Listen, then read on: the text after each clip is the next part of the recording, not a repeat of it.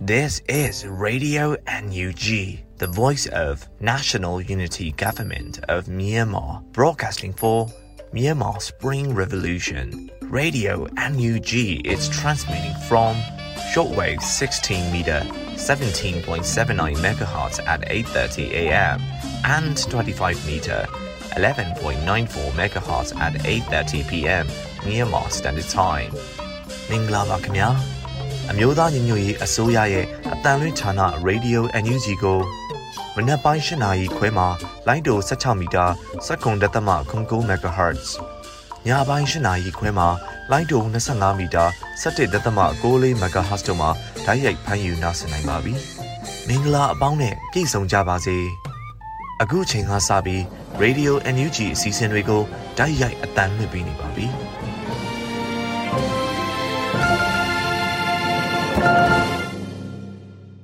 မြန်မာနိုင်ငံသူနိုင်ငံသားအပေါင်းတဘာဝပြီးစစ်အာဏာရှင်ဘေးတို့ကနေကင်းဝေးပြီးကိုစိတ်နှပါကြမ်းမှလုံခြုံကြပါစေလို့ Radio NUG အဖွဲ့သားများကဆုတောင်းမေတ္တာပို့သလာရပါတယ်ရှင်။ကာကွယ်ဝင်ကြီးဌာနရဲ့စစ်ရေးတဲ့အချင်းချုပ်ကိုຫນွေဦးအလင်ကမှတင်ဆက်ပေးမှာဖြစ်ပါတယ်ရှင်။ ကာကွယ်ဝင်ကြီးဌာနအမျိုးသားညီညွတ်ရေးဆိုရမှထုတ်ဝေတဲ့နိုင်စဉ်စည်ရေးသတင်းချင်းချုပ်ကိုတင်ဆက်ပေးတော့မှာဖြစ်ပါတယ်။ကရင်ပြည်နယ်မှာဇန်နဝါရီလ3ရက်နေ့ညနေ3:20မိနစ်ခန့်ကမြဝတီမြို့နယ်ဖလူးကြီးနဲ့ဖလူးလေးကြားမှာစစ်ကောင်စီအင်အား90ခန့်နဲ့စစ်ကြောင်းထိုးဝင်ရောက်လာတဲ့အတွက်ကြောင့်စစ်ကောင်စီနဲ့ KNL ပူးပေါင်းတပ်ဖွဲ့တို့ထိတွေ့တိုက်ပွဲဖြစ်ပွားနေကြောင်းသိရှိရပါတယ်ခင်ဗျာ ချင်းပြည်နယ်မှာဇန်နဝါရီလ3ရက်နေ့မနက်9:30မိနစ်ခန့်ကမတူပီမြို့နယ်မတူပီပလက်ဝလမ်းမပေါ်ရှိစစ်ကောင်စီတပ်များတပ်ဆွဲထားတဲ့ထေပွေးတပ်စခန်းကို CDF မတူပြီးမှဝင်ရောက်တိုက်ခိုက်ခဲ့ကြောင်းသိရှိရပါတယ်ခင်ဗျာ။ စကိုင်းတိုင်းမှာဇန်နဝါရီလ3ရက်နေ့ကထီကြိုင်မြို့နယ်မြေကျောင်းတစ်လျှောက်မှာစံတက်လာတဲ့စစ်ကောင်စီထောက်ပို့ရေးရင်ပုံညာနဲ့ပဓာရှင်တင်မောနှစ်စီးကိုပြည်သူ့ကာကွယ်တပ်ပေါင်းစုက၄ချိန်တိတိပြစ်ခတ်တိုက်ခိုက်ခဲ့ရာစစ်ကောင်စီတပ်သားစစ်တပ်နက်ကိုင်း2ဦးလက်နက်ကြီးကိုင်း2ဦးတို့တိကျစွာထိမှန်ခဲ့ပြီးစစ်ကောင်စီတပ်သား10ဦးထက်မနည်းသေဆုံးခဲ့ကတင်မောလေးမိကိုဦးထွက်ခဲ့ကြောင်းသိရှိရပါတယ်ခင်ဗျာ။ ဇန်နဝါရီလ3ရက်နေ့နေ့လယ်2:15မိနစ်ခန့်ကအင်းတော်မြို့နယ်စီပိန်းရွာနဲ့ဖားပင်ရွာကြားမှာစစ်ကောင်စီကားတစ်စီးကိုဒေသကာကွယ်ရေးအဖွဲ့ကမိုင်းနှလုံးဆွဲတိုက်ခိုက်နိုင်ခဲ့ကြောင်းသိရှိရပါတယ်ခင်ဗျာ။ယခုဆက်လက်ပြီးစစ်ကောင်စီကကျူးလွန်တဲ့ရာဇဝမှုတွေကိုတင်ဆက်ပေးကြပါမယ်။ချင်းပြည်နယ်မှာ ဇန်နဝါရီလ3ရက်နေ့နေ့လယ်2:30မိနစ်ခန့်ကထန်တလန်မြို့အမှတ်1ရပ်ကွက်မှာစစ်ကောင်စီတပ်နဲ့ CDF ထန်တလန်တို့ပစ်ခတ်ခဲ့ရာစစ်ကောင်စီဘက်ကမီးလောင်ဘုံနဲ့ပစ်ခတ်တဲ့အတွက်ကြောင့်လူနေအိမ်များမီးလောင်ခဲ့ပြီးမီးလောင်နေအိမ်အရေးအတွက်ကိုအတိမပြုနိုင်သေးကြောင်းသိရှိရပါတယ်ခင်ဗျာ။ ဇန်နဝါရီလ2ရက်နေ့ကမင်းတပ်မြို့အနောက်ဘက်16မိုင်18မိုင်တောင်ကျောကြားမှာကင်းပုံချထားတဲ့စစ်ကောင်စီတပ်သားများကဖျက်သွားဖျက်လာပြည်သူများကိုတနက်နဲ့ပစ်ခတ်နေကြောင်းသိရှိရပါတယ်ခင်ဗျာ။စကိုင်းတိုင်းမှာဇန်နဝါရီလ3ရက်နေ့နေ့လယ်09:55မိနစ်ခန့်ကဝက်လက်မြို့နယ်ညောင်မင်းကြီးတောကြီးရွာရှိလူနေများအပါအဝင်ဖုန်ကြီးကျောင်းများကိုစစ်ကောင်စီတပ်ကဗတ်စုံ3တိုက်ခိုက်ရေးလေရင် MI35 တစည်းနဲ့ပစ်ခတ်ခဲ့ပါတယ်။ ဒီဇင်ဘာလ၁ရက်နေ့ကလည်းဝက်လက်မြို့နယ်ရှိမခါကြီးရွာအနီးဖျားလေးကုန်းကြီးရွာမှာတက်ဆွဲထားတဲ့စစ်ကောင်စီတပ်နေပြူစောတီများတိုက်ပွဲအရေးနှိမ့်နေတဲ့အတွက်ကြောင့်စစ်ကောင်စီများက MI35 နဲ့လေကြောင်းပစ်ကူပေးခဲ့တဲ့အတွက်ကြောင့်ပြည်သူပိုင်းနေငါးလုံးမိလောင်ပျက်စီးခဲ့ရကြောင်းသိရှိရပါတယ်ခင်ဗျာ။ မန္တလေးတိုင်းမှာဇန်နဝါရီလ2ရက်နေ့ည10:17မိနစ်ခန့်က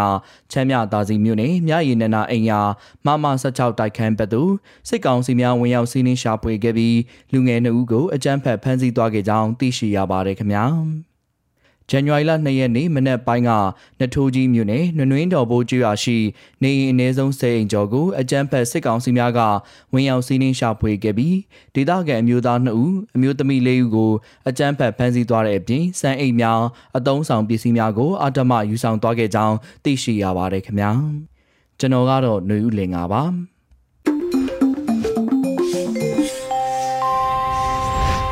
Radio NUG မှာဆက်လက်အသံလွှင့်နေပါတယ်။အခုဆက်လက်ပြီးနောက်ဆုံးရသတင်းများကိုຫນွေဦးမောင်မှတင်ဆက်ပေးမှာဖြစ်ပါတယ်ရှင်။မင်္ဂလာပါခင်ဗျာ။ယခုချိန်ကစပြီး Radio NUG မနက်ခင်းသတင်းများကိုဖတ်ကြားတင်ပြပေးပါတော့မယ်။ယခုတင်ပြပေးမယ့်သတင်းတွေကတော့ Radio NUG သတင်းတာဝန်ခံတွေနဲ့ခိုင်လုံသောမိဖက်သတင်းရင်းမြစ်တွေမှာအခြေခံထားတာဖြစ်ပါတယ်။ ကိုကိုကိုမီးရှို့ဆန္ဒပြခဲ့တဲ့ကိုအောင်အောင်ကိုလေးစားဂုဏ်ပြုကြောင်း NUG ဝန်ကြီးကထုတ်ဖော်ရေးသားလိုက်ပါတယ်။ပြည်သူလူထုတရက်လုံးကຫນွေဦးဒေါ်လာကြီးတစ်နှစ်ပြည့်အတန်တိတ်တပိတ်ကိုဆင်နွှဲခဲ့ကြတဲ့ February လ၁ရက်နေ့အတွင်းမန္တလေးတိုင်းကြောက်ပတောင်းမြို့နယ်ဗိုလ်ချုပ်လမ်းမကြီးပေါ်မှာရှိတဲ့လျှက်စစ်ရုံး EBC ရှေ့မှာအမျိုးသားတအုပ်ကသူ့ကိုယ်သူမီးရှို့ဆန္ဒပြခဲ့ပါတယ်။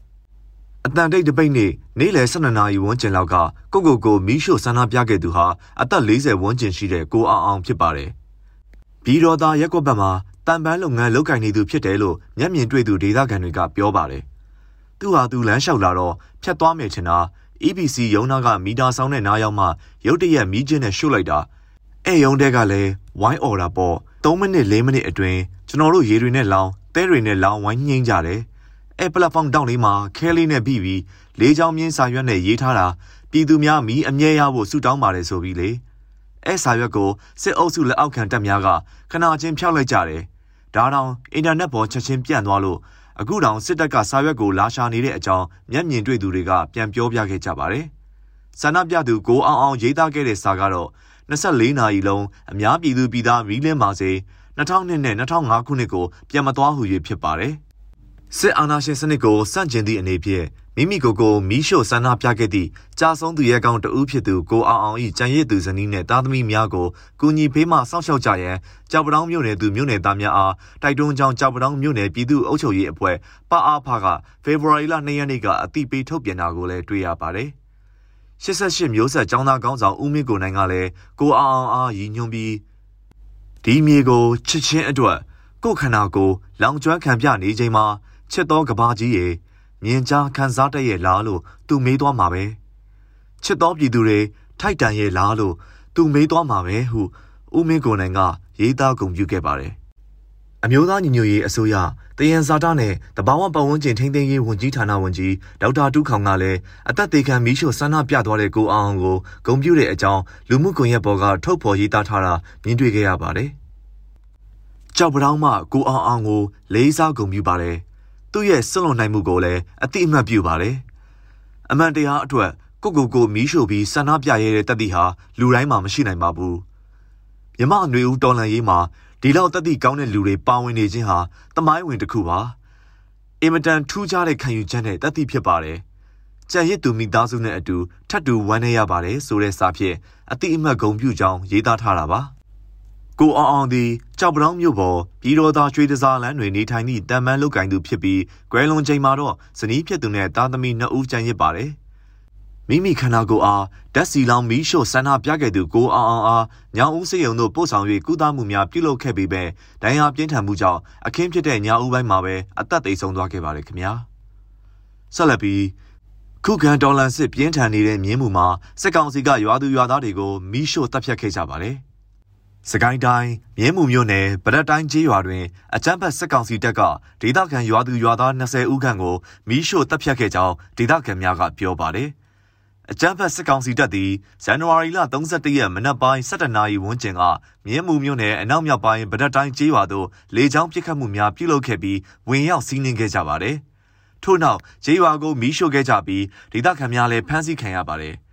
စစ်ကောင်စီတပ်များရဲ့တပ်ဖြတ်ခံထားရသူပေါင်း20ဦးထပ်မံရှိကြောင်းမြင်းမှုမြို့နယ်သတင်းမှန်ပြန်ကြားရေးကသတင်းထုတ်ပြန်ထားပါတယ်။တက်ကြီးရွယ်အိုတွေရောဖမ်းတာရွာတဲ့အကုံဝင်မွေတာရှိတာအကုံယူတယ်။ပြည်သူတွေကိုလည်းတပ်ဖြတ်သွားတယ်ဟုဒေသခံတို့ကပြောပါတယ်။အသက်73နှစ်အရွယ်မိန်းကလေးကိုပါအဓမ္မပြုကျင့်ပြီးခုတ်ထစ်မီးရှို့တက်ခဲ့ကြကြောင်းဒေသခံတို့ရဲ့စကားကိုကိုးကားပြီး Public Voice TV ကရေးသားထားပါတယ်။ဒီအကြောင်းကိုမြင်းမှုပြည်သူကာကွယ်ရေးတပ်ဖွဲ့ကအခုလိုပြောပြခဲ့ပါတယ်။ အပြစ်မဲ့ပြည်သူအယောက်20မီးရှို့တက်ခံခဲ့ရတာတော့ဟုတ်တယ်ဗျအဓမ္မပြုကျင်တာတော့ကျွန်တော်တို့အတီးမပြုတ်နိုင်သေးဘူးဗျလို့မြင်းမှုအခြေဆိုင်မြင်းမှု MMPDF အဖွဲ့တာဝန်ရှိသူကပြောသွားတာပါအာနာသိန်းစစ်တပ်က၎င်းတို့အပေါ်ခုခံတော်လှန်ရေးအားကောင်းရာဒေသတိုင်းတွင်တာလွန်အင်အားဖြင့်စီးနှင်းဝင်ရောက်လာတိုင်းအကြမ်းဖက်လူတက်မှုများမိရှုပ်မှုများကိုကျူးလွန်လျက်ရှိပါတယ်။ဗရက်တိုင်းကျေးဝါသည်လည်းချောင်းဦးနယ်မြောင်နယ်တို့အဆက်တွင်ရှိပြီးအာနာရှင်စန့်ကျင်ရေးအားကောင်းသောဒေသတစ်ခုဖြစ်ကြောင်းသိရပါတယ်။ အဆိုပါအကြမ်းဖက်ခံနေရတဲ့မြင်းမှုမြို့နယ်တွင်းကဂုံချင်းစိတ်ရဲစခန်းကိုဖေဖော်ဝါရီလ2ရက်နေ့ည7:00နာရီကမှ MMU PDF မှဦးဆောင်၍ Black Eagle Defense Force MMU မြင်းမှုလျက်စီပျောက်ကြားတပ်ဖွဲ့မြင်းမှု Defense Force မြောင်မြို့နယ်ပြည်သူ့ကာကွယ်ရေးနဲ့လုံခြုံရေးအဖွဲ့ CDSOM စသည့်မဟာမိတ်အဖွဲ့များပူးပေါင်းကဝင်ရောက်တိုက်ခိုက်စီးနင်းနိုင်ခဲ့ကြပါတယ်။ ပြည်သူ့ကာကွယ်ရေးတပ်များစီးနင်းမှုကိုအကြမ်းဖက်စစ်ကောင်စီ၏စစ်တပ်နှင့်ရဲတပ်ဖွဲ့ဝင်များကရင်ဆိုင်ခြင်းမရှိဘဲထွက်ပြေးတိမ်းရှောင်သွားသောကြောင့်အပြန်အလှန်ပစ်ခတ်မှုများမရှိခဲ့ပါဘူး။သိမ်းပိုက်ရမိသောစခန်းတွင်မှလက်နက်များကိုသိမ်းယူနိုင်ခဲ့ကြပြီးအဆောက်အဦများကိုမိုင်းခွဲဖျက်ဆီးခဲ့ကြကြောင်း People Defense Force မြင်းမှု MMU PDF ကသတင်းထုတ်ပြန်ထားပါတယ်ခင်ဗျာ။ဆက်လက်ပြီး တောင်ကိုရီးယားလွှတ်တော်အမတ်များနဲ့လူမှုအဖွဲ့အစည်းများပူးပေါင်းပြီးတော့မြန်မာဒီမိုကရေစီပြန်လည်ရရှိရေးတောင်းဆိုသတင်းစာရှင်းလင်းပွဲပြုလုပ်ခဲ့တဲ့တဲ့ကိုတင်ပြပေးပါမယ်။မြန်မာပြည်ငြိမ်းချမ်းရေးနဲ့ဒီမိုကရေစီပြန်လည်ရရှိရေးလွှတ်တော်များအဖွဲ့နဲ့မြန်မာဒီမိုကရေစီအားထောက်ခံသည့်တောင်ကိုရီးယားလူမှုအဖွဲ့အစည်း106ဖွဲ့တို့ပူးပေါင်းပြီးကျင်းပတဲ့သတင်းစာရှင်းလင်းပွဲဖြစ်ပါတယ်။2022ခုနှစ်ဖေဖော်ဝါရီလ3ရက်နေ့မနက်7:20မိနစ်လွတ်တော်ဝင်အတွင်းကျင်းပခဲ့ကြတာပါ။ သတင်းစာရှင်းလင်းပွဲအပြီးမှာတော့ထုတ်ပြန်ကြေညာချက်တရက်ကိုထုတ်ပြန်ခဲ့ကြပါတယ်။ထုတ်ပြန်ချက်တွင်မြန်မာပြည်တွင်စစ်အာဏာသိမ်းခံရခြင်းတစ်နှစ်ကျော်လာခဲ့ပေမဲ့မြန်မာပြည်သူတွေရဲ့ဒီမိုကရေစီလိုလားမှုသည်စစ်အုပ်စု၏အကြမ်းဖက်မှုအောက်မှာဆက်လက်ဖိနှိပ်ခံနေကြရပြီးနိုင်ငံတကာရဲ့တုံ့ပြန်မှုတွေကလည်းထိရောက်မှုမရှိခဲ့ကြောင်းတောင်ကိုရီးယားအာဆီယံနဲ့ EU ကမ္ဘာကုလသမဂ္ဂအစရှိသည့်နိုင်ငံတကာအနေဖြင့်မြန်မာပြည်သူများနဲ့ပူးပေါင်းခြင်းပံ့ပိုးခြင်းတို့ကိုပြုလုပ်လာခဲ့ပေမဲ့လည်းအလွန်အားနည်းခဲ့ကြောင်းအ ਨੇ ဆုံး အစားအစာငတ်မွတ်ခေါင်းပါမှုနဲ့ယောဂဘေးကာကွယ်မှုများအားနည်းခြင်းကြောင့်ခံစားနေကြရတဲ့မြန်မာပြည်သူများအတွက်နိုင်ငံတကာရဲ့ကူညီကယ်ဆယ်မှုတွေကဝင်ရောက်နိုင်ရမည်ဖြစ်ကြောင်းကိုရီးယားနိုင်ငံကအခုလိုလွတ်လပ်ခြင်းလူ့အခွင့်အရေးနဲ့ငြိမ်းချမ်းရေးရရှိနိုင်ခြင်းတို့သည်အိန္ဒိယနိုင်ငံများကလူမှုအဖွဲ့အစည်းများနဲ့နိုင်ငံတကာရဲ့ပူးပေါင်းဆောင်ရွက်ပေးမှုတို့ကြောင့်ဖြစ်ကြောင်းပူးပေါင်းဆောင်ရွက်ခြင်းကိုလက်မလွတ်ဘဲအမြဲတမ်းဂရုစိုက်ပေးနေမှသာကန်ဆိုးခြင်းတွေကိုတားဆီးနိုင်မည်ဖြစ်ကြောင်းစစ်အုပ်စုအတွက်ငွေကြေးစည်းဝင်ရာဖြစ်နေတဲ့ကိုရီးယားကုမ္ပဏီများ Bosco International Korea Gas အစိုးရကုမ္ပဏီကြီးများတို့ယင်းနှီးမြုပ်နှံနေကြသည့်နိုင်ငံတော်ပင်စင်အစရှိသည့်တို့၏အမျက်အစွန်းများသည့်စစ်အုပ်စုထံမစည်းဝင်နိုင်ဖို့တားဆီးရမည်ဖြစ်ကြောင်းအာဏာသိမ်းစစ်အုပ်စုအနေနဲ့အကြမ်းဖက်မှုကိုရပ်တန့်မှာအာဆီယံသဘောတူညီမှု၅ချက်ကိုလိုက်နာပါနိုင်ငံရေးအကျဉ်းသားများကိုလွှတ်ပေးပါပြည်သူအစိုးရထံအာဏာပြန်လည်အပ်နှင်းပါနိုင်ငံတကာရဲ့လူသားချင်းစာနာသည့်အကူအညီပေးမှုတွေကိုခွင့်ပြုပါ စေတနာဝန်ထမ်းတွေရဲ့လုံခြုံရေးကိုအာမခံပါဟုစသည့်အချက်များကိုတောင်းဆိုကြောင်းထုတ်ပြန်ခဲ့ကြပါတယ်ခင်ဗျာယခုတင်ဆက်ပေးခဲ့တာကတော့ February 3ရက်နေ့ရမနက်ခင်းပြည်တွင်းသတင်းများပဲဖြစ်ပါတယ်ရေဒီယို NUG မှာဆက်လက်အသံလွှင့်နေပါတယ်။အခုဆက်လက်ပြီးပြည်သူခုခံတော်လန်စစ်တရေများကိုຫນွေဦးလင်းအိမ်မှတင်ဆက်ပေးမှာဖြစ်ပါတယ်ရှင်။ ပထမဆုံးအနေနဲ့ကလေးမျိုးတွင်မိုင်း28လုံးဇက်တိုက်ဖောက်ခွဲတိုက်ခိုက်ခံရပြီးစစ်ကောင်စီ15ဦးသေဆုံးကခြေပြက်လက်ပြက်ဖြစ်သူများပြားတဲ့တဲ့ရင်ကိုတင်ဆက်ပေးမှာပါ။ကလေးမျိုးတောင်ပိုင်းကနေထွက်ခွာလာတဲ့အကြမ်းဖက်စစ်ကောင်စီစစ်ကား9စီးပါတဲ့ရင်နှန်းဟာဖေဖော်ဝါရီလ2ရက်နေ့နနက်9နာရီဝန်းကျင်မှာစီတာရွာနဲ့နမြောင်းရွာအကြားတွင်ရက်ခါစစ်ကောင်စီဝင်များနမြောင်းဘက်သို့လမ်းမကြီးတစ်လျှောက်လမ်းလျှောက်ဖြန့်တက်လာစဉ်မိုင်း28လုံးဖြင့်ဖောက်ခွဲတိုက်ခိုက်ခံရပြီး အကြမ်းဖက်စစ်ကောင်စီဝင်30ဦးခန့်ထိမှန်သွားကြောင်း PDF ကလေးကသတင်းထုတ်ပြန်ပါတယ်။ထို့ပြင်ဖေဖော်ဝါရီလ2ရက်နေ့တွင်ကလေးမျိုးကနေတောင်ပိုင်းကိုထွက်ခွာလာတဲ့အကြမ်းဖက်စစ်ကောင်စီကား9စီးတာယာကုန်းရွာဘက်သို့စစ်ကြောင်းဖြန့်တက်လာရာနေ့လယ်12နာရီမှာတာယာကုန်းရွာရဲ့မြောက်ဘက်တွင် PDF ကလေးတပ်ဖွဲ့ဝင်များနဲ့ရှောင်းတခင်တိုက်ပွဲဖြစ်ပွားခဲ့ကြောင်းတိုက်ပွဲကြာချိန်တနာရီခန့်ရှိခဲ့ကြောင်း PDF ကလေးရဲ့သတင်းထုတ်ပြန်ချက်အရသိရှိရပါတယ်။ အဆိုပါတာယာကုန်းရွာမြောက်ဘက်တွင်ဖြစ်ပွားခဲ့တဲ့တိုက်ပွဲတွင်ကလေး PDF က2ယောက်ကြာဆုံးခဲ့ပြီးအကြမ်းဖက်စစ်ကောင်စီဝင်များရဲ့ထိခိုက်ဒေဆုံးမှုကိုအတိမပြုနိုင်သေးပါဘူး။ဆက်လက်ပြီးပူလောတွင် KNLA ပူးပေါင်းအဖွဲ့နဲ့စစ်ကောင်စီကြားတိုက်ပွဲဖြစ်ပွားပြီးစစ်သား9ဦးထပ်မံတေဆုံးကြောင်းရေးတွင်လည်းစစ်ကောင်စီရင်နှန်းမိုင်းဆွဲခံရပြီးစစ်ကား3စီးပျက်စီးတဲ့တဲ့ရင်ကိုတင်ဆက်ပေးမှာပါ။တနင်္သာရီတိုင်းပူလောမြို့နယ်စားခဲကြီးရွာဘက်ကိုစစ်ကြောင်းထိုးလာတဲ့စစ်ကောင်စီတပ်ဖွဲ့ကို KNLA ပူလော PDF နဲ့ PRDF တို့ကလက်ဦးမှုယူတိုက်ခိုက်ခဲ့ပြီးစစ်သား9ဦးထပ်မံတေဆုံးကြောင်းကြီးစံများလက်ပစ်ဘုံများကြီးကာအင်ကြီးများကိုတင်ဆက်ရမိကြောင်း PDF ပူလောကသတင်းထုတ်ပြန်ပါတယ်။နနက်6:48မိနစ်မှတစ်ကြိမ်နနက်9:00နာရီကနေ10:00နာရီကြားမှတစ်ကြိမ် KNLA ပူပေါင်းတပ်ဖွဲ့မှလက်ဦးမှုယူတိုက်ခိုက်ခဲ့ခြင်းဖြစ်ကြောင်းလက်ရှိအချိန်တွင်စစ်ကောင်စီဘက်မှစစ်ကူများထပ်မံဖြည့်တင်းထားပြီးတိုက်ပွဲများဆက်လက်ဖြစ်ပွားနိုင်ခြေရှိကြောင်းသိရှိရတာပါ။ အလားတူမွန်ပြည်နယ်ရေးမြို့နယ်မြောက်ပိုင်းအောင်တာယာကျေးရွာအနီးတွင်တံဖြူစရက်ကနေထွက်ခွာလာတဲ့စစ်ကောင်စီရှင်နှန်းကိုယမန်နေ့ဖေဖော်ဝါရီလ2ရက်ည10:00နာရီခန့်မှာရေးမြို့နယ်ဒေသကာကွယ်ရေးနှစ်ဖွဲ့ကပူးပေါင်းတိုက်ခိုက်ခဲ့ပြီးစစ်ကား၃စီးပျက်စီးသွားကြောင်းသတင်းရရှိပါရယ်။အဆိုပါစစ်ကောင်စီရှင်နှန်းဟာစစ်အင်အားဖြည့်တင်းမှုလာရောက်တဲ့ရှင်နှန်းများဖြစ်ကြောင်းအောင်တာယာနဲ့လိမ္မော်ချန်ကျေးရွာကြားမှာရေးမြို့နယ်ပြည်သူ့ကာကွယ်ရေးတပ်ဖွဲ့နဲ့ရေးပြောက်ကြားတပ်ဖွဲ့တို့ကပူးပေါင်းတိုက်ခိုက်ခဲ့ခြင်းဖြစ်ကြောင်း စစ်ကား၃စီးပျက်စီးကြောင်းစစ်သားတေဆုံးစင်းကိုမသိရှိရသေးကြောင်းဒေသကာကွယ်ရေးနှစ်ဖွဲ့ကသတင်းထုတ်ပြန်ပါတယ်။ဖားကတ်မြို့နယ်ရှိစစ်ကောင်စီရဲ့ဂျာယန်တပ်စခန်းကို KIA နဲ့ PDF ပူးပေါင်းတိုက်ခိုက်သိမ်းပိုက်ခဲ့ပြီးမုံညင်းမော်ဟန်ရဲစခန်းတိုက်ခိုက်သိမ်းပိုက်စဉ်စစ်ကောင်စီဘက်မှအရာရှိ2ဦးသေဆုံးတဲ့တဲ့ရင်ကိုဆက်လက်တင်ဆက်မှာပါ။ကချင်ပြည်နယ်ဖားကတ်မြို့နယ်လုံခင်းကျေးရွာအုပ်စုဥရုချောင်းအရှိဘက်ချမ်းရှိဂျာယန်စစ်ကောင်စီတပ်စခန်းကိုယနေ့နနက်3နာရီခန့်အချိန်မှာ KIA တပ်မဟာ9လက်အောက်တပ်ရင်း6မှ KIA တပ်ဖွဲ့ဝင်များနဲ့ PDF များတွားရောက်တိုက်ခိုက်သိမ်းပိုက်နိုင်ခဲ့ကြောင်း KIA သတင်းရင်းမြစ်ထံမှသိရှိရပါသည်။ယနေ့စခန်းသိမ်းတိုက်ပွဲတွင်စစ်ကောင်စီတပ်များအထူးခိုက်အကြဆုံးများနိုင်ပြီးတိုက်ပွဲအခြေအနေအသေးစိတ်ကိုမသိရှိရသေးကြောင်းယနေ့နနက်9နာရီကျော်မှာဖားကန်ဗျူဟာကုန်းမှလက်နက်ကြီး10ချက်ကျော်ရန်ကားပစ်ခတ်နေကြောင်းသိရှိရပါသည်။ဖေဖော်ဝါရီလ2ရက်နေ့ည9နာရီခန့်အချိန်မှာ ဖားကန်စီပင်ရုံအနီးဘုံတလုံးပောက်ကွဲခဲ့ပြီးပောက်ကွဲတံအလွန်ကျေကြောင်းသိရှိရပါတယ်။အလားတူကချင်ပြည်နယ်မွန်းကြီးမြို့နယ်မော်ဟန်ကျေးရွာရှိရဲကင်းစခန်းကိုယနေ့နနက်3နာရီခွဲအချိန်မှာ KIA တရင်35နဲ့ PDF ပူးပေါင်းတပ်များကတိုက်ခိုက်သိမ်းပိုက်မီးရှို့ရှင်းလင်းလိုက်ရတွင်စစ်ကောင်စီဘက်မှအရာရှိ2ဦးသေဆုံးကြောင်း PDF သတင်းရင်းမြစ်များထံမှသိရှိရပါသည်။ဖေဖော်ဝါရီလ3ရက်နေ့နနက်3နာရီခွဲမှနနက်4နာရီခွဲအချိန်ထိ KIA တရင်35နဲ့ PDF ပူးပေါင်းတပ်များကမွန်းကြီးမြို့နယ်မော်ဟန်ရဲစခန်းကိုတိုက်ခိုက်ခဲ့ကြောင်းအဆိုပါတိုက်ခိုက်မှုတွင်စစ်ကောင်စီအရာရှိ2ဦးသေဆုံးပြီးအရှင်ဖမ်းမိသူတချို့လည်းရှိကြောင်းလက်နက်နဲ့ခဲယမ်းအများအပြားသိမ်းဆည်းရမိပြီးတဲ့နောက်ရဲကင်းစခန်းကိုမီးရှို့ရှင်းလင်းလိုက်ကြောင်းသိရှိရပါတယ်။တရင်အချက်လက်များအရ2ရက်2လ2022ရက်နေ့မှာစစ်ကောင်စီတပ်ဖွဲ့ဝင်89ဦးသေဆုံးပြီးထိခိုက်ဒဏ်ရာရရှိသူ23ဦးအထိခုခံတိုက်ခိုက်နိုင်ခဲ့ပါတယ်။ မြေပြင်မှာယခုတွေ့ရတဲ့တရင်အချက်လက်များထက်ပို၍ဖြစ်ပွားနိုင်ပါတယ်ရှင်။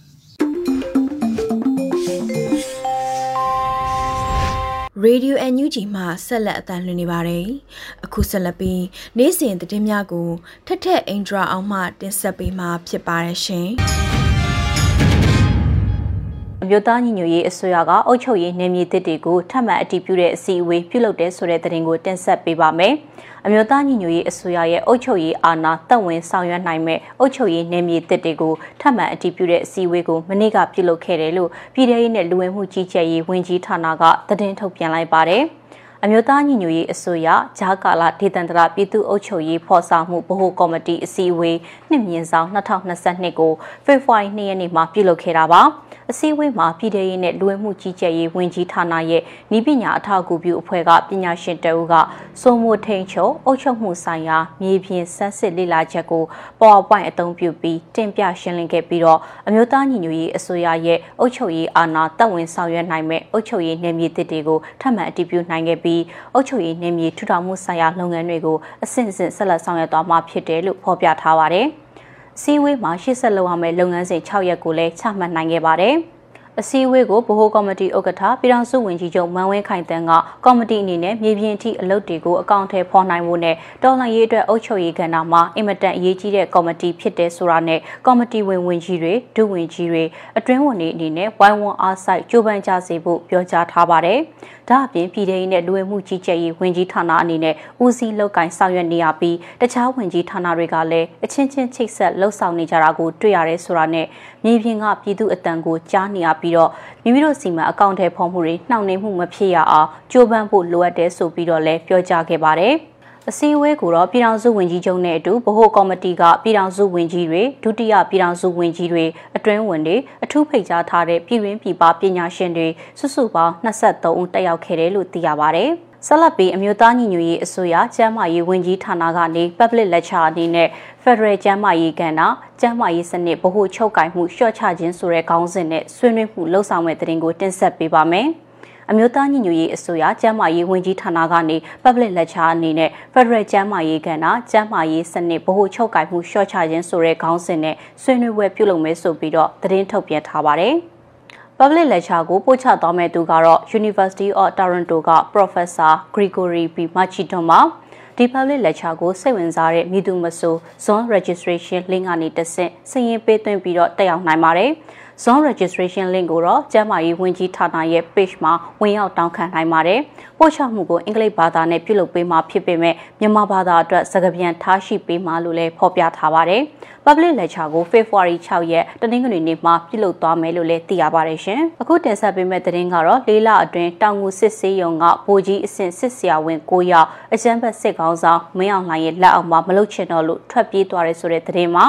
လေးလအတွင်းမှာပဲတောင်ကူစစ်စေးရုံကဗိုလ်ကြီးအဆင့်စစ်ဆရာဝန်9ယောက်ကအကြမ်းဖက်ကောင်းဆောင်မင်းအောင်လှိုင်လောက်မှမလုပ်ချင်တော့ဘူးဆိုပြီးတော့ထွက်ပြေးသွားတယ်လို့သိရပါဗျ။ထွက်ပြေးသွားတဲ့စစ်ဆရာဝန်တွေထဲမှာပါရဂူတွေစေမှုစစ်ဆရာဝန်တွေပါဝင်တယ်လို့လည်းခေတ်သစ်သတင်းဌာနမှဖော်ပြထားတာကိုတွေ့ရပါတယ်။ထွက်ပြေးသွားတဲ့သူတွေကဗိုလ်ကြီးလက်ကိုကိုဗိုလ်ကြီးကြော်ကြော်အောင်ဗိုလ်ကြီးကျော်လင်းပိုင်ဗိုလ်ကြီးညီရဲထက်ဗိုလ်ကြီးစော်ပြိုးထက်ဗိုလ်ကြီးဝနာတို့ဖြစ်တယ်လို့သိရပါတယ်။ စစ်ဆေးဆရာဝန်တည်င်းရင်းမြစ်ကတော့တောင်မှုစစ်ဆေးုံအတွင်းမှာလေးလအတွင်းစစ်ဆရာဝန်9ဦးထွက်ပြေးသွားတယ်ဆိုတာနဲ့ပြေးသွားတဲ့အထက်မှာခွေးစိတ်ပါရဂူတွေမဟာသိပ္ပံပိထားပိသားသူတွေပါဝင်တယ်လို့ဆိုထားပါတယ်။ဒါအပြင်စစ်မြေပြင်ကစေတက်ဆရာဝန်တွေလည်းထွက်ပြေးမှုတွေရှိနေတယ်လို့ဆိုထားပါတယ်။ စစ်မြေပြင်တပ်ရင်းတွေကစစ်ဆေးဆရာဝန်73ယောက်လဲအကြမ်းဖက်စစ်တပ်ကိုစွန့်ခွာထွက်ပြေးသွားကြတယ်လို့သတင်းရင်းမြစ်တွေကပြောထားပြီးတော့တခြားနိုင်ငံအနှံ့ပြန့်နေတဲ့အကြမ်းဖက်တပ်ရင်းတွေကနေပြီးတော့စစ်ဆရာဝန်တွေလည်းထွက်ပြေးမှုတွေလုပ်နေတယ်လို့ဆိုပါတယ်။ ဆလတ်ပီထန်တလန်မြို့ကိုအကြမ်းဖက်စစ်ကောင်စီတပ်တွေကအချိန်ချင်းမီးရှို့နေတဲ့ဆိုတဲ့သတင်းကိုတင်ဆက်ပေးပါမယ်။ချင်းပြည်နယ်ထန်တလန်မြို့ကပြည်သူလူထုတွေရဲ့နေအိမ်ကိုအကြမ်းဖက်စစ်ကောင်စီတပ်သားတွေကအချိန်ချင်းမီးရှို့ဖျက်ဆီးခဲ့လို့ခရီးရန်ဖျားရှိခိုးကျောင်းနေနဲ့ဘာသာရေးဆိုင်ရာအဆောက်အုံတွေအပါအဝင် အင်ဂျီ900ကျော်မီးလောင်ပျက်စီးခဲ့တယ်လို့ထန်တလန်စစ်ရှောင်များနေရာချထားရေးကော်မတီရဲ့ထုတ်ပြန်ချက်အရသိရပါဗျ။ပြီးခဲ့တဲ့ရက်ပိုင်းတွင်ကအကြမ်းဖက်စစ်ကောင်စီတပ်တွေကထန်တလန်မြို့မှာနေအိမ်တွေကိုထပ်မံမီးရှို့ခဲ့တယ်လို့ TPAC IDPS က February 1ရက်နေ့မှာထုတ်ပြန်ခဲ့ပါတယ်။ January 30နဲ့31ရက်မှာလည်းမီးရှို့မှုတွေလုပ်ခဲ့တယ်လို့ February 1ရက်နေ့မှာလည်းစစ်ကောင်စီတပ်သားတွေမီးရှို့လို့အင်ဂျီ64လုံးမီးလောင်ပြကြခဲ့ရတယ်လို့ဆိုပါတယ်။ ချင်းမျိုးသားတပ်ဦး CNF ရဲ့ပြောရေးဆိုခွင့်ရှိသူစလိုင်းထက်နေက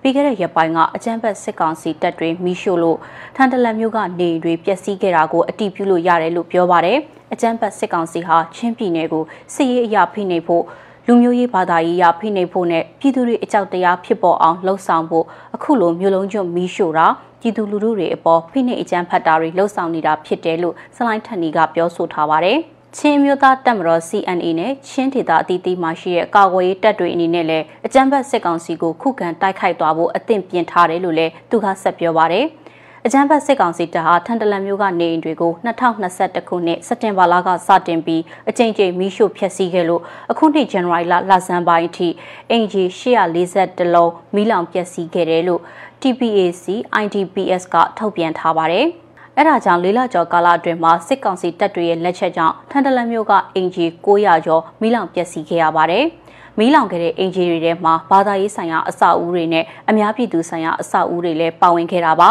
ခရီးယန်ဖျားရှိခိုးကျောင်းတွေအပါအဝင်ထန်တလန်မြို့မှာရှိတဲ့ဘာသာရေးအဆောက်အုံ30ထပ်မင်းဟာမီးလောင်တဲ့အထက်ပါသွားတယ်လို့ဖော်ပြထားပါတယ်။ ထန်တလန်မြို့ကအနေနဲ့လည်းအကြမ်းဖက်စစ်ကောင်စီတပ်တွေရဲ့အကြမ်းဖက်မှုရန်ကြောင့်စက်တင်ဘာလကုန်ပိုင်းကစတင်ပြီးတော့မြို့လုံးကျွတ်နေပါထွက်ပြေးတိမ်းရှောင်နေရပါတယ်။ကျေးဇူးတင်ပါတယ်ရှင်။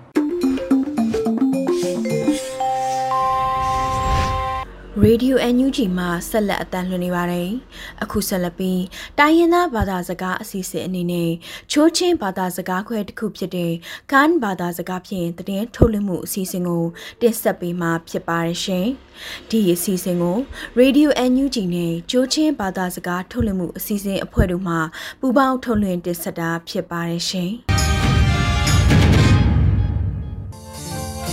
NUG Crow Radio namngaya pungbu po sakrang namwan namrayo dila kutkantuk othangkan thenu ge ka kelen sala kakrai မတူပိယကမင်ဒတ်လမ်လာစစ်ပငေရိုက်ကပ်တွေအမောတော်စီရက်မင်ဒတ်တူကပ်ကုဒေယူကမတူပိဝငေမင်ဒတ်လမ်လာလတ်လော့ဘိုင်ပငေရိုက်ကပ်ထေတူမောတော်ခရက်ကိပလာနမ်ပငွန်စီရက်မင်ဒတ်တူလမိနိဒကပ်ကုကတိလာအစစ်ပွေလာယကလောမ်ကမတူပိယကမင်ဒတ်လာစီဒီလာအမ်ခါကလောကရုနာနိပခရာလောကတိလာ မှတ်လာအောင်က CDF mindat tuen lamsata kap ukutila amma CDF tuen am tengna ga yagal om ku ခရခန်ပငေစုပတဖီမတူပိယကန်မင်တလာဇစ်ပင်ရိုက်ကဘီမောဒကိုကိပလာဒင်ပင်စီရီယမင်တတူအန်မာဥပငင်ကပ်ဥကခဆောလာအမ်ကာနာကရိုက်ကပ်ထေတူအဒင်ဟေရှူအန်လက်ဥပုံဖီအဒင်ဟေအုံကတိလာယက်လာအုံကတူဘခေါခရိုင်လွ နှုဖရာလာမင်လွန်အမ်ယက်လှူလာအကရန်အနွန်ဒနွန်ဒေါဂဒီလာမတ်လာအုံဂခဆောယအမ်ဆေနာကရိုက်ကပ်ဘာငေအဝိုင်းစာဖိအစီနာကေလမ်လာအုံပငင်အဒမ်အဒါစီဥကတိလာယက်လောင်ဂသူဘေမသူဘေကန်လောပင်းမန်ထုံကိပဒါအုံဥပငင်စီရမင်ဒတ်တွင်အမ်ကာနာကေလောငါရိုက်ကပ်ဘာငါစီဥပင်းအွန်နာအမေဒရီမေဂျုံအတ်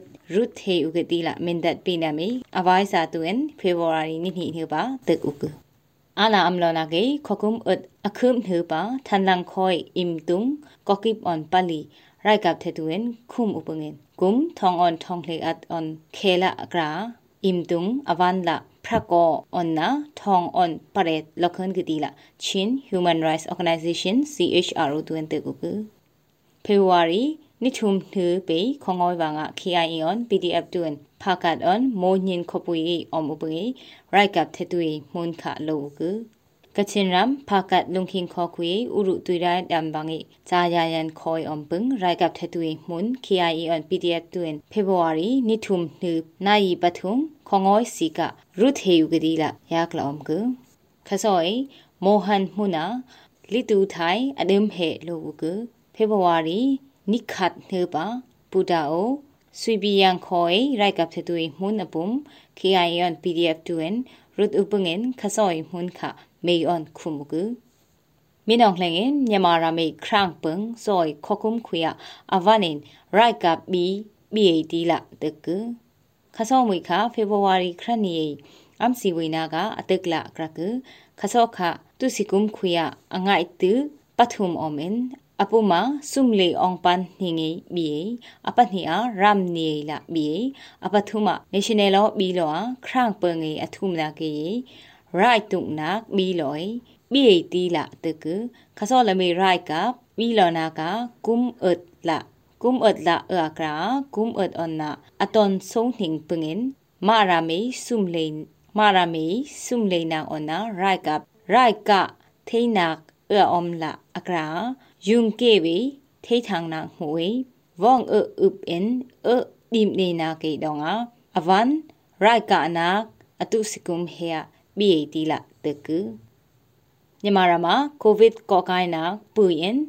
ကုမ်ထောင်နီအွန်ထောင်လေနိဖေဗူအာနီနီနုနာယီပရေခွေယအဝန်လာဒွန်26,826မွန်ဘောက်ဘီလောနာကကိုဗစ်ကိုင်ပင်း ဖရာအွန်လီကိပအွန်ပထုမ်မှုကရခိုင်နှုံ0.53ရှီလာပုိကီတီလာရိုက်ကပ်ထေတူကုတ်ခွေအမပုငေဆရာဝန်တူန်တေကုကခဆောယဝန်ပေလာရန်ကုန်မင်္ဂလာရုံခွေယ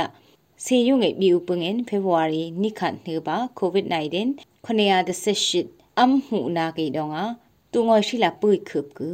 အခမွိတင်လာကိုဗစ်တေကန်လောပငေအိုမီခရွန်အမ်ဟုနာကာဟော ဂုမ်ထောင်နီအွန်ထောင်လေနီဖေဗူအာရီနိနိနေပါမူလမ်လာရိုင်ရောင်နာကေဒီပါမန်နင်အတိကနာကာခရန့်မီဖရထုမ်အွန်အထောင်ရှိလာအုံလခွန်ကဒီလာအတိကနာအုံက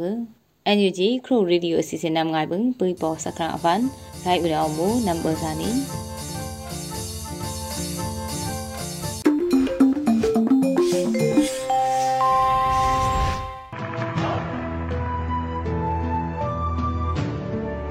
တော်တာရှင်များရှင်2022ခုနှစ်ဖေဖော်ဝါရီလ1ရက်နေ့အထိ